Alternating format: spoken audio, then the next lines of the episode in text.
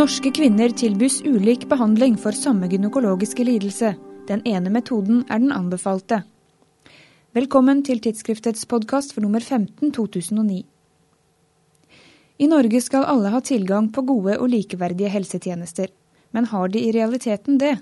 Det ønsket Janne Mette Goderstad og to kolleger ved kvinnesenteret på Ullevål å finne ut. De har kartlagt behandlingen av kvinner med godartede gynekologiske lidelser ved landets sykehus, og presenterer funnene i en originalartikkel i tidsskriftet. Vi valgte å se på tre lidelser, og de er veldig vanlige. Eh, vi valgte å se på eh, graviditet utenfor livmoren, eh, syster på eggstokkene og tilstander i selve livmoren som gjør at man kan få blødningsforstyrrelser og muskelknuter. Sånn at man da fjerner livmoren av den grunn. Graviditet utenfor livmoren det er så hyppig som 1-2 eh, Syster er også veldig vanlig.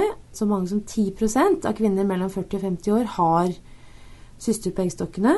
Da er det klart at alle syster opereres ikke. Noen forsvinner av seg selv, men, men det er en veldig, veldig vanlig lidelse. Muskelknuter det er det også mange kvinner som har. Så mange som 30 av kvinner over 30 år har muskelknuter. Det kan jo behandles på flere måter, med mm, ikke nødvendigvis operasjon, men, men det er jo de som fjerner livmoren kirurgisk, det er de vi har på en måte sett på, da. Når disse tilstandene skal opereres, er det to muligheter. Laparoskopi eller laparatomi, altså kikkhullskirurgi eller åpen kirurgi.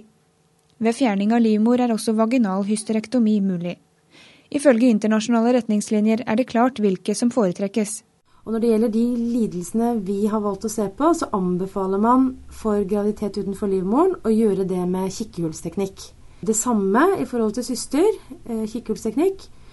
Og når det gjelder eh, det å fjerne livmoren, så kan man gjøre det eh, på flere måter. Enten fra skjeden eller ved kikkehullsteknikk der også.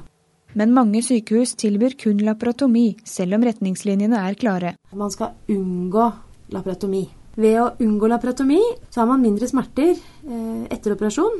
Man har eh, lavere risiko for sårinfeksjon. Det er kortere sykehusinnleggelse, generelt raskere rekonvalesens og, og lavere sykemeldings, eller kortere sykemeldingslengde. Totalt 51 avdelinger oppga at de tilbød kirurgisk behandling for de tre lidelsene ektopisk graviditet, ovarisyster og hysterektomi. Det var som forfatterne ventet stor variasjon i antall behandlinger per avdeling, og langt over halvparten utførte færre enn ti slike inngrep i året. Men det var også store variasjoner i valg av metode, og mange bruker den ikke anbefalte. Kvinner i Norge tilbys eh, svært ulik behandling eh, for eh, samme lidelse. Vi så jo da, hvis man tar graviditet utenfor livmoren, så var det i 2003 24% som ble gjort med laparatomi, altså den, den ikke anbefalte metode. Og i 2006 så var det 14% så det er jo veldig bra. Det går jo, det går jo veldig riktig vei. Og du kan si når det gjelder syster, så var tallene for samme periode 50% altså halvparten eh, i 2003 som ble behandlet med laparatomi. Og det gikk ned til 41% Og så er det litt dårligere for det å fjerne livmoren, der 75 eh, ble gjort med åpen teknikk i 2003. Og i 2006 så var man nede på 62% Det går langsomt i riktig retning, altså ved at man unngår laparatomi. Men det går jo altfor seint. Studien viser at det er forskjell mellom store og små sykehus. De store avdelingene så ut til å følge retningslinjene i større grad enn de små. Goderstad mener det uansett er alvorlig at andelen som kun tilbyr laparatomi, er så høy. Eh, det er uakseptabelt at eh, i 2006 så ble over halvparten av kvinner, kvinnene som skulle fjerne livmoren, tilbudt eh, den behandlingen man faktisk skal prøve å unngå. Men det er klart at man kan ikke si at alle kvinner skal fjerne livmoren sin fra, fra skjeden eller med kikkhullskirurgi, for det er, klart, det er en vurdering man må gjøre. Men jeg tror jo at eh, vi som leger må bli flinkere til å informere før operasjon og si at dette er operasjonsmetodene, og, og vi anbefaler den for deg, men, men det fins andre måter å gjøre det på. Og så har jo egentlig kvinnene et reelt valg. Eh, fordi eh, vi sier så fint at det er fritt sykehusvalg, men i utgangspunktet så er det jo ikke det. Hvis man ikke vet hva man skal velge, og hvilke metoder som, hvilke metoder som fins. Det er mye som kan gjøres for å bedre situasjonen, mener Goderstad.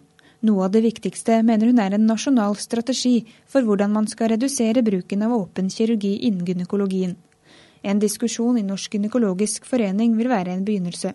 Et nasjonalt operasjonsregister for all gynekologisk kirurgi mener hun også vil bidra til kvalitetssikring, og kanskje skape en mer bevisst holdning til valg av kirurgiske prosedyrer. Opplæring av gynekologene er også en viktig vei å gå. Ja, opplæring tror jeg er kjempeviktig. Og i gynekologien så, det, så er det ferdighetskrav i spesialistutdanningen. En mulig måte da er jo å si at uh, de som er under utdanning, må kjenne til og lære seg disse inngrepene.